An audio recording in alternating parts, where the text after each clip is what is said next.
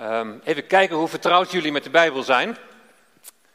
We gaan lezen vanmorgen uit 1 Thessalonicense.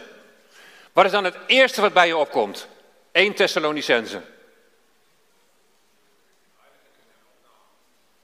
De heiliging en de opname. 1 Thessalonicense, wat is het eerste wat bij je opkomt? Opname had ik natuurlijk verwacht. En helemaal van lauw. En als we het daarover gaan hebben, 1 Thessalonicense 4, dat de bazuin zal klinken en de aartsengel zal roepen en we de Heer tegemoet gaan in de lucht om voor altijd bij Hem te zijn. Dan komt er in één keer heel veel discussie van wanneer is dat dan? En de een die zegt voor de grote verdrukking, de ander zegt halverwege, de ander zegt aan het eind, de ander zegt weer hoezo grote verdrukking, hoe zit het nou allemaal? Dan krijg je heel veel discussie en, en toen dacht ik van, weet je, lees nou eerst eens wat daar allemaal aan vooraf gaat. Dan kunnen we daarna ons misschien nog eens druk maken over wanneer dat moment zal zijn. Maar lees nou eens heel goed wat daar allemaal aan vooraf gaat, want Laude zei het al terecht, het gaat niet alleen over de opname, daaraan voorafgaand gaat het over hoe ziet de Heer zijn gemeente? En hoe staan wij als gelovigen in het leven? Hoe leven we naar dat moment toe? Dat wij de Heer tegemoet zullen gaan in de lucht en voor altijd bij Hem zullen zijn. Nou, voor, de, onze vakantie heb ik twee keer met jullie gesproken over 1 Thessalonicense 1. tijdens de tweede zendingsreis van Paulus wordt daar in Macedonië wordt daar een gemeente gesticht, ontstaat daar een gemeente. De staat, ze hebben zich bekeerd van de afgoden. En we hebben gekeken wat hedendaagse afgoden zouden kunnen zijn. En we hebben gezien dat het een gemeente is waar het geloof werkt. Het is werkzaam in hun leven, wat zich onder andere uit in het feit dat zij steeds meer leren en groeien in gehoorzaamheid aan Christus. Hun leven is in overeenstemming met hun boodschap. Er is sprake van een krachtige onderlinge agape-liefde. Er is een volhardende hoop en vooruitzicht in de, naar de komst van de Heer Jezus. Dus geloof, hoop en liefde lees je over in die, dat eerste hoofdstuk. En dan belanden we nu in hoofdstuk 2. En dan kijken we eerst naar de boodschappers, Paulus, Silas en Timotheus. En dan kijken we naar de ontvangers, naar de gemeente. En hoe zij, datgene wat zij ontvangen hebben, hoe ze dat dan vervolgens ook weer doorgeven. We gaan lezen 1 Thessalonicense hoofdstuk 2. Want u weet zelf, broeders, van onze komst bij u, dat die niet te vergeefs is geweest. Maar, hoewel wij tevoren geleden hadden en in Filippi smadelijk behandeld waren, zoals u weet, hebben we toch in onze God vrijmoedigheid gekregen om het evangelie van God tot u te spreken te midden van veel strijd. Want onze vermaning kwam niet voort uit dwaling of uit onzuivere motieven en ging ook niet met bedrog gepaard, maar zoals wij door God beproefd zijn om ons het evangelie toe te vertrouwen, zo spreken wij niet om mensen te behagen, maar God die onze harten beproeft. Want we hebben nooit vleiende woorden gebruikt, zoals u weet. En ook geen voorwendsel voor hebzucht. God is getuige. We zochten geen eer van mensen. Niet van u, ook niet van anderen. Hoewel wij als apostelen van Christus u tot last hadden kunnen zijn. Maar we zijn in uw midden vriendelijk geweest, zoals een voedster haar kinderen koestert. We waren zo vol verlangen naar u dat we graag met u niet alleen het evangelie van God wilden delen, maar ook onszelf, omdat u ons lief geworden was. U herinnert zich immers onze inspanning en moeite, broeders. Want terwijl wij nacht en dag werkten om niemand van u tot last te zijn, hebben wij het evangelie van God gepredikt. U bent getuige en God, hoe heilig en rechtvaardig en onberispelijk wij geweest zijn bij u die gelooft. Zo weet u hoe wij elk van u afzonderlijk opwekten en aanmoedigden, net als een vader zijn kinderen. Wij riepen u ertoe op waardig te wandelen voor God, die u roept tot zijn koninkrijk en heerlijkheid. Daarom danken ook wij God zonder ophouden dat u, toen u van ons het gepredikte woord van God hebt ontvangen, het ook aangenomen hebt, niet als een mensenwoord, maar zoals het werkelijk is als Gods woord, dat ook werkzaam is in u die gelooft. Tot zover. Het thema van deze overdenking is: verras de wereld. Als gemeente van Jezus Christus hebben wij de opdracht om Hem bekend te maken in deze wereld. Maar de vraag die zich steeds weer opdringt is natuurlijk van, maar ja, hoe doe je dat dan? Hoe geef je dat nou handen en voeten? Een tijdje geleden toen uh, kreeg ik dit boekje van Douwe Scheepsma. En de jeugdleiders die hebben dat boekje ook uh, gekregen. Lees het ook een keer door. En uh, je kunt het ook waarschijnlijk heel mooi toepassen op je relatie met de jongeren. En het is getiteld Verras de wereld. Geschreven door Michael Frost. En hij schrijft over vijf krachtige gewoonten van missionaire mensen. Zegenen, eten, luisteren, leren en gezonde zijn. En dit wordt het Bels-model genoemd. Het is een model om missionair te leven.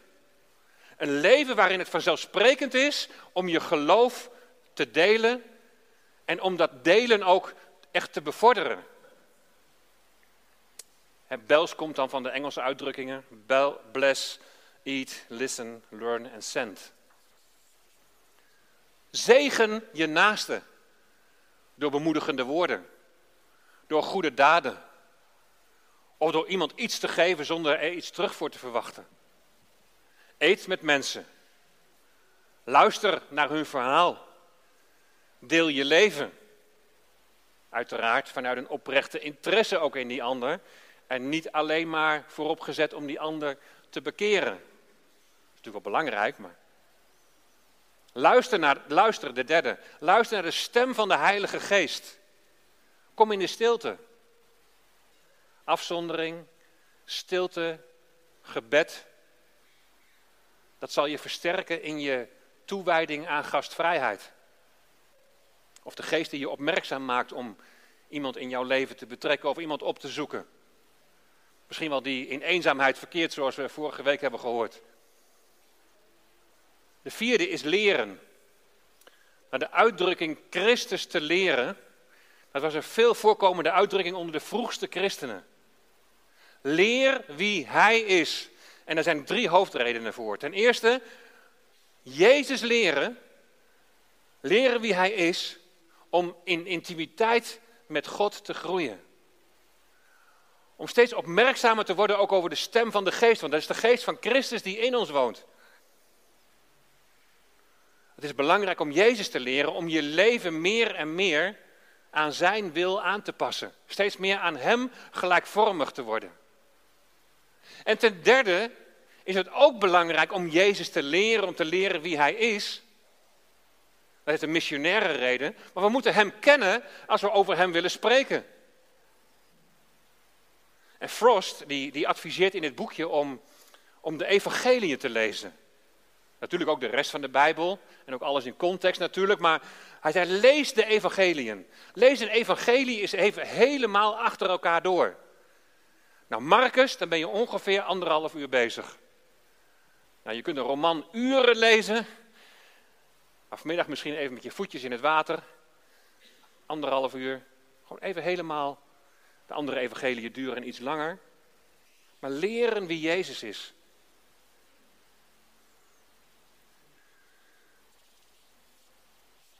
En dan de vijfde gewoonte.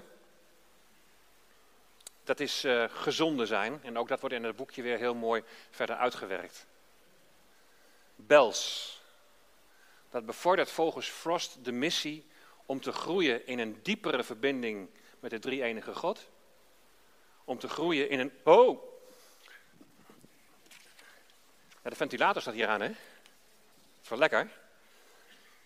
Om te groeien in een sterker gemeenschapsgevoel met andere gelovigen. En om je woonwijk in te trekken.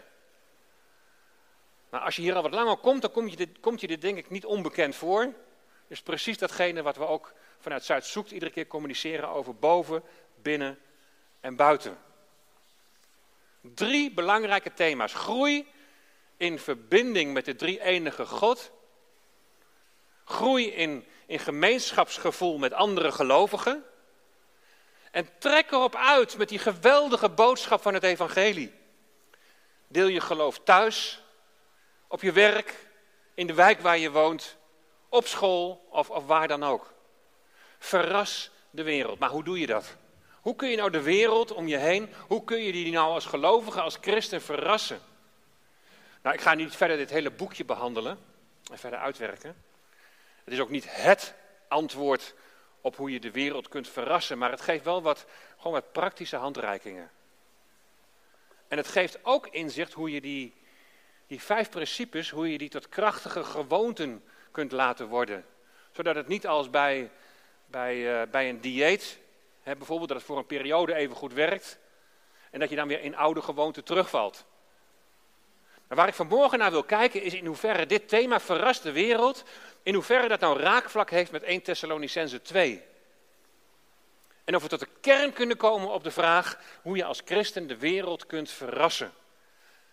En daarmee bedoel ik van hoe je de wereld nieuwsgierig kunt maken naar het geloof in Jezus Christus. Hoe je de wereld nieuwsgierig kunt maken naar het christelijk geloof. Nou, we kijken zoals gezegd eerst naar de boodschappers, dan naar de ontvangers en hoe zij dat, wat zij ontvangen hebben, hoe zij dat hebben doorgegeven. In de eerste twaalf versen, daar kun je lezen hoe Paulus en Silas en Timotheus de gemeente hebben gediend. Ze hebben te midden van veel strijd hebben ze het evangelie van God verkondigd. Dus denk niet bij het delen van het geloof dat je vrij zult zijn van strijd. Er zal altijd strijd zijn, er zal altijd geestelijke strijd zijn. Maar wat Michael Frost hier op grond van het woord van God laat zien, dat is dat Paulus niet alleen een apostel was, maar hij was ook een evangelist. Hij had een bediening als evangelist. En hij benadrukt in dit boekje, en dat klopt ook helemaal, dat niet iedereen die hier zit vanmorgen, dat hij ook evangelist is. Dat is een specifieke bediening. En ik merk regelmatig dat als je zo gauw je gaat benadrukken hoe belangrijk het is om, om je geloof te delen, om alle mensen te vertellen dat Jezus de levende is, dat mensen al gauw een beetje in de stress schieten van ja, maar hoe moet ik dat dan doen? En dat, dat, of dat ligt mij helemaal niet, of dat kan ik helemaal niet. En een beeld dat mensen dan vaak hebben is dat je net als Sipke of Simon of anderen, dat je op de lange nering moet gaan staan en mensen moet gaan aanspreken. Nou, ik heb al uh, wel laten zien dat ik daar zelf een grote kluns in ben. Dat ik daar absoluut geen gave voor heb. In Efeze 4, vers 11, daar wordt de gave van evangelist wordt daar bevestigd. Daar staat niet evangelisatie als gave, maar de evangelist wordt daar als gave genoemd. Je bent niet Paulus, Silas of Timotheus. En niet iedereen is evangelist. Dat is een specifieke bediening. Het Timotheus was lokaal evangelist, vaak binnen de gemeente. En, in de, en Paulus was dat bovenlokaal. Hij, hij zwierf van de ene gemeente, of van de ene plaats naar de andere om het evangelie te verkondigen. Evangelisten die zijn geroepen om, om helder het evangelie uit te leggen. En ze creëren op een natuurlijke wijze, in afhankelijkheid van de Heilige Geest, creëren ze gewoon kansen. Ze zijn moedig in het verkondigen en dat is ook nodig. Want je kunt, zoals ik al zei, kun je met tegenstand te maken krijgen. Weerstand zowel van buitenaf, maar zelfs weerstand kan er zijn van binnenuit. In Thessalonica, in zijn in die tijd waarschijnlijk rondreizende predikers, evangelisten, die rondtrekken vanuit een stuk eigenbelang. Die geen zuivere motieven hebben. Zogenaamde evangelisten die de mensen naar de mond praten. Die de mensen paaien met mooie praatjes. En ze dan geld aftroggelen om hun zogenaamde bediening uit te kunnen voeren. Zo zijn wij niet, schrijft Paulus. Een ware evangelist die spreekt niet om mensen te behagen, maar je wilt God behagen. Want Hij is het die je hart beproeft. En er zijn situaties dat Paulus financieel werd ondersteund, maar in deze situatie niet. Ze hadden er recht op, schrijft hij, maar hij wil zo juist op deze manier laten zien dat zij het tegenovergestelde zijn van deze rondreizende predikers en evangelisten. En dan vind ik vers 7 vind ik zo mooi. Dan schrijft hij, we zijn in uw midden, zijn we vriendelijk geweest, zoals een voedster haar kinderen koestert. In dit geval vind ik het MBV 21 nog mooier vertaald. We zijn u tegemoet getreden met de tederheid van een voedster die haar kinderen koestert. Evangelisten, zo mag je te midden van de gemeente staan om ze te helpen. We zijn u tegemoet getreden met de tederheid van een voedster die haar kinderen koestert. Vriendelijkheid, tederheid kan allebei. Wat je bij Paulus ziet is dat hij, in tegenstelling tot die rondreizende predikers die verwarring stichten, dat hij bewogen is met de gemeente. Hij koestert ze. Hij heeft ze lief. Hij wil ze verzorgen. Hij wil ze helpen. En hij omschrijft het verder in vers 8. Wij waren zo vol verlangen naar u, dat wij graag met u niet alleen het evangelie van God wilden delen, maar ook onszelf. Omdat u ons lief geworden was. Dan zie je hier in vers 8 dat het voor een evangelist niet alleen een kwestie is om je overtuiging af te vuren naar die ongelovigen. Het is niet alleen een kwestie van het evangelie mondeling delen, maar ook jezelf delen. Paulus wilde zichzelf delen met mensen in Thessalonica. Hij had liefde voor de mensen. Hij wilde dat ze dat christenleven zouden zien. Hij wilde laten zien dat zijn leven in overeenstemming is met zijn boodschap. En hij wil laten zien hoe rijk dat leven met God is. Eet bijvoorbeeld met mensen. Luister naar hun verhaal. Deel je leven. Maar niet iedereen is evangelist. Frost die laat in zijn boek Verrast de Wereld zien dat je in de Bijbel een tweeledige benadering van evangelisatie ziet. Ten eerste bevestigt de Bijbel dus de gave van evangelist. Zij verkondigen het evangelie. Zij delen hun leven. En zij helpen de gemeente. En zij helpen dus ons hoe wij het evangelie zouden kunnen delen met onze omgeving. En dat laat Paulus dan in Colossense 4, laat hij dat zien. In vers 2 tot en met 4, lees maar mee. Blijf bidden en blijf daarbij waakzaam en dankbaar. Komt weer dat dankbaar terug. En bid dan ook voor ons dat God deuren voor ons opent om zijn boodschap te verkondigen, het geheim van Christus waarvoor ik gevangen zit. En bid dat ik het mag onthullen zoals het mijn plicht is. Dus aan de gemeente de oproep om voor Paulus, Silas en Timotheus te bidden. Dat God deuren opent om de boodschap van het evangelie te brengen. Dus de gemeente bidt voor de evangelisten. Bid ook voor de evangelisten in de Bijbel. Op degenen die uitgaan. Die, dat ook voor hen deuren geopend mogen worden. Dat er een ontvankelijk hart van mensen mag zijn. Dat ze willen luisteren naar die boodschap van liefde, van vergeving. Die boodschap van genade. Maar nu de kant van de gemeente. In vers 5 en 6 van Colossense 4 lees je dat alle gelovigen evangeliserend moeten zijn. Maar dan ligt de nadruk ligt heel sterk ligt op hun wandel. Je leest in vers 5 het volgende. Wandel met wijsheid bij hen die buiten zijn. Dat zijn dus de ongelovigen. En buit de geschikte tijd uit. Let op het geschikte moment. Laat uw woord altijd aangenaam zijn. Met zout smakelijk gemaakt. Opdat u weet hoe u iedereen moet antwoorden. Er zijn dus blijkbaar vragen en dan weet je hoe je moet antwoorden. Het is dus niet zo dat de overige gemeenteleden niet het evangelie hoeven te delen. Het is niet een soort uitbesteding aan, aan de evangelisten. Maar Paulus die legt hier allereerst heel sterk de nadruk op je wandel. Op de manier waarop. In welke gezindheid je de boodschap van het evangelie doorgeeft. Hoe jij je geloof deelt. Laat je wandel zo zijn dat mensen met vragen komen. Let op een geschikt moment. Het buiten geschikte tijd uit om iets te kunnen delen. En daar heb je die L voor nodig. Luisteren naar de stem van de Heilige Geest. Wanneer moet je spreken, wanneer moet je zwijgen? Op wie moet je misschien toestappen, op wie moet je misschien iets zeggen? En als die vragen dan opkomen, omdat jouw wandel nieuwsgierigheid opwekt, laten dan je woorden aangenaam zijn. Dat je in het Grieks staat hiervoor aangenaam het woordje charis, wat we kennen van charisma. Dat betekent genade. Laten je woorden vol zijn van de genade van God. Laten je woorden naar mensen toe vol zijn van de genade van God. Met zout smakelijk gemaakt. Maar Jezus die gebruikt het zout ook wel als beeld van de Heilige Geest. Als je je laat leiden door de Heilige Geest, dan weet je ook op een gegeven moment welk antwoord je moet geven. Paulus die helpt hier dus de gemeente al door dit op te schrijven. Helpt hij dus de gemeente als evangelist. Hoe zouden jullie het evangelie kunnen moeten verkondigen? De nadruk ligt dus op je wandel. Daarin ben je allereerst getuige. Dat is ook de oproep in 1 Thessalonicense 2 vers 12, waar Paulus oproept om waardig te wandelen. Ook hier spreekt hij aan op gedrag, op je levenswandel.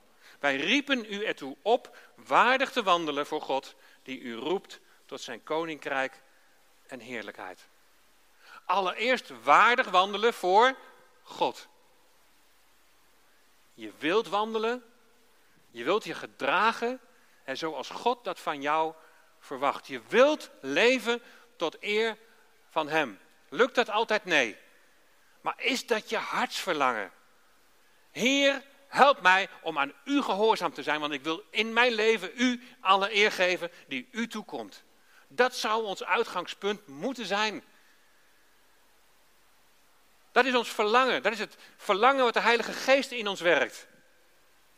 Dat is die verandering van leven die je ontvangt als je in de Heer Jezus Christus gelooft. Wandel waardig voor God die u roept tot zijn koninkrijk en heerlijkheid. Die u roept tot zijn koningschap, zo kun je het ook eh, vertalen. In het Grieks is koninkrijk en koningschap is precies hetzelfde. Hij wil koning zijn over jouw leven. Dat betekent, hij wil het voor het zeggen hebben in jouw leven. Hij wil dat je deelt in zijn heerlijkheid. Weet je, als je weet waartoe je bestemd bent om straks in zijn heerlijkheid te zijn, laat dan ook je wandel nu in overeenstemming zijn daarmee. Die heerlijkheid die duidt op de toekomst bij de Heer, maar hij wil dat je nu al iets proeft, al iets proeft van zijn heerlijkheid, door naar zijn wil te leven. Dan ben je getuige voor mensen om je heen. Het waardig wandelen heeft dus, is allereerst voor hem, maar het heeft ook een missionair aspect. Heb je gezien wat Paulus schrijft over zichzelf, over zijn gedrag in de gemeente in Thessalonica? U bent getuige en God hoe heilig, rechtvaardig en onberispelijk wij geweest zijn bij u die gelooft. Zondigde zij dan nooit?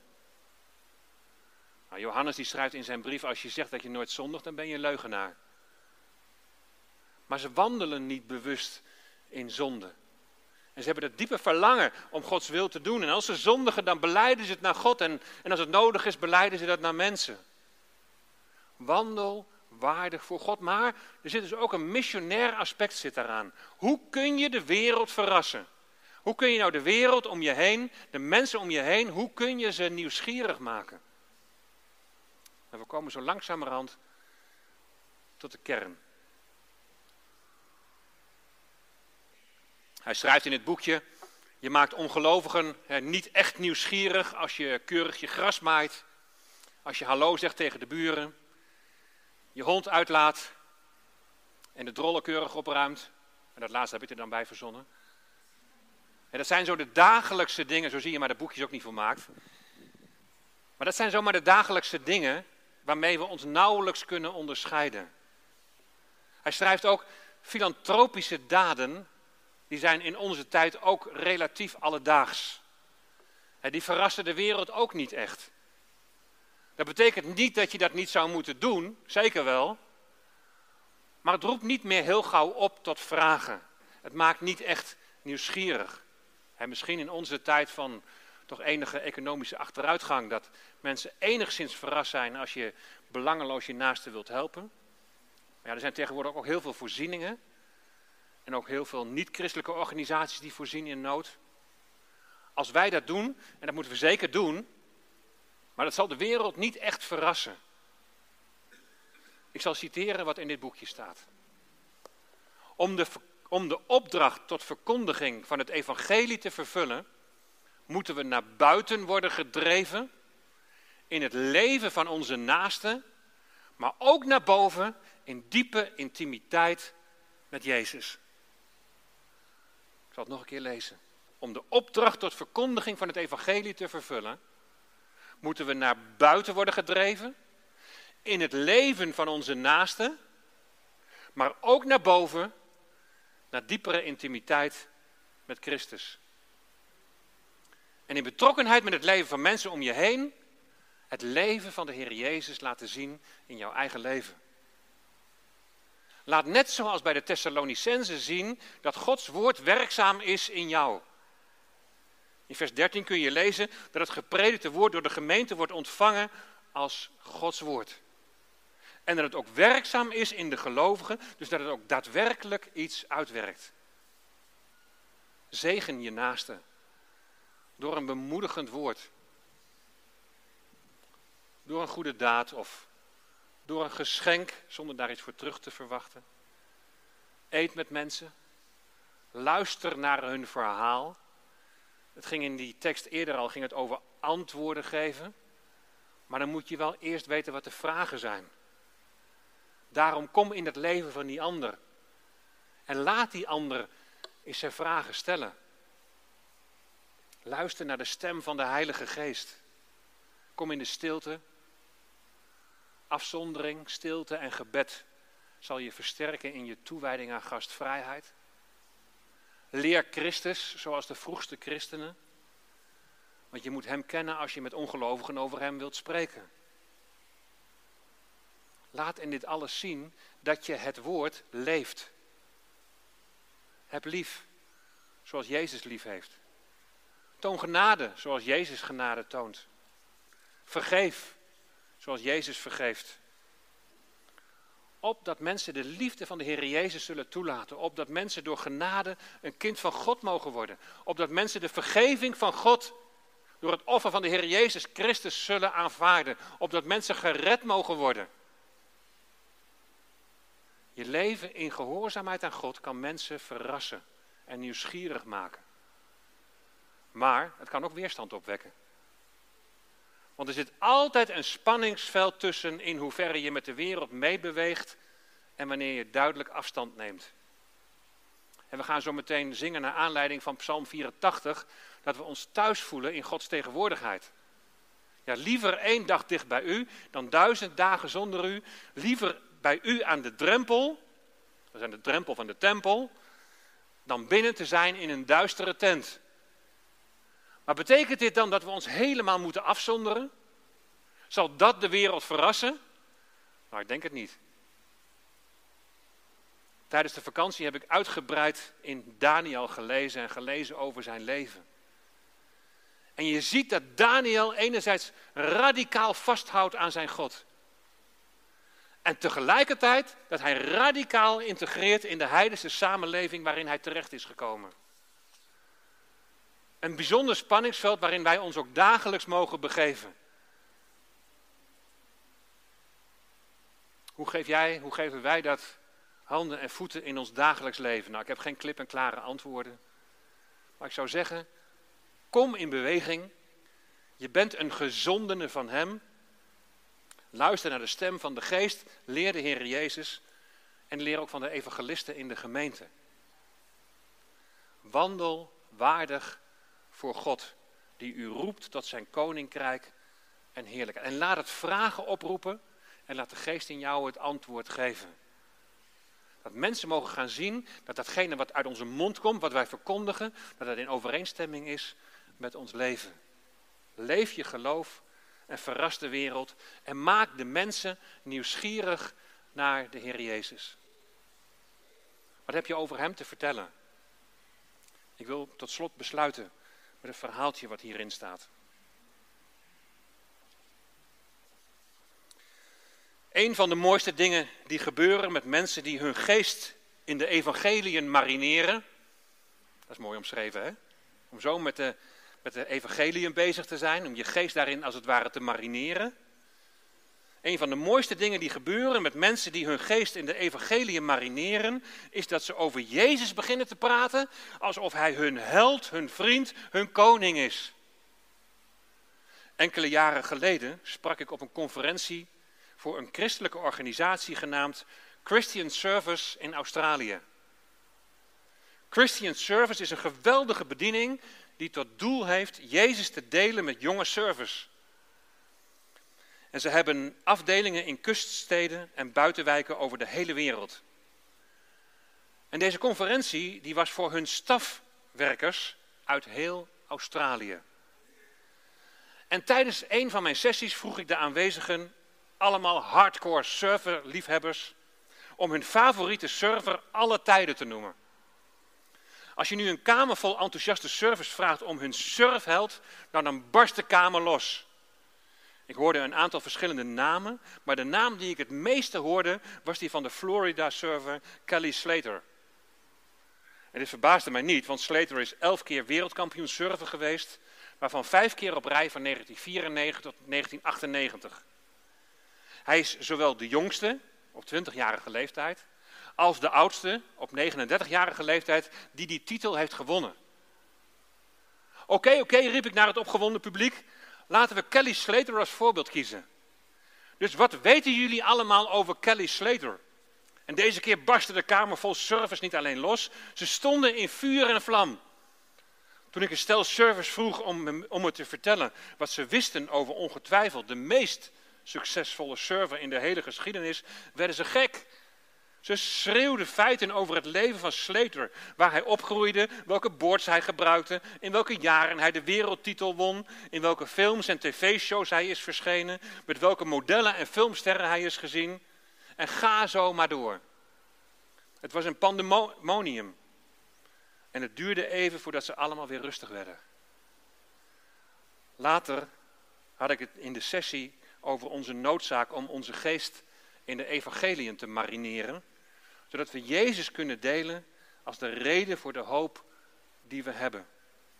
Dus vroeg ik hen, vertel me, wat weten jullie allemaal over Jezus? En de reacties waren deze keer heel anders. Het was niet zo dat deze mensen niets van Jezus wisten. Het zijn zeer toegewijde evangelisten. In feite leiden ze elk jaar vele jonge servers tot Christus. Maar de reactie was veel meer gedempt. Langzaam en stil boden mensen dingen aan die ze over Jezus wisten. Hij is Heer. Hij stierf voor onze zonden. Hij stond op de dood. Hij stond op uit de dood. Maar deze keer, maar deze werden gepresenteerd, deze feiten die werden gepresenteerd als leerstellige overtuigingen, als geloofsverklaringen. En ik vroeg hen waarom ze niet op dezelfde manier over Jezus spraken als ze net over Kelly Slater hadden gesproken. Nogmaals verbazing. Het lijkt mij dat dit onze uitdaging is voor vandaag. Zoals ik eerder al zei, denk ik niet dat elke christen een evangelist is. Maar ik denk wel dat het leven van elke christen evangeliserend zou moeten zijn. Wanneer we een nieuwsgierig makend leven leiden, zouden mensen ons vreemde gedrag moeten zien en ons naar onze motieven moeten vragen. En als ze dat doen, zouden we op Jezus moeten, over Jezus moeten spreken, over Jezus moeten kunnen spreken, zoals service over Kelly Slater spraken.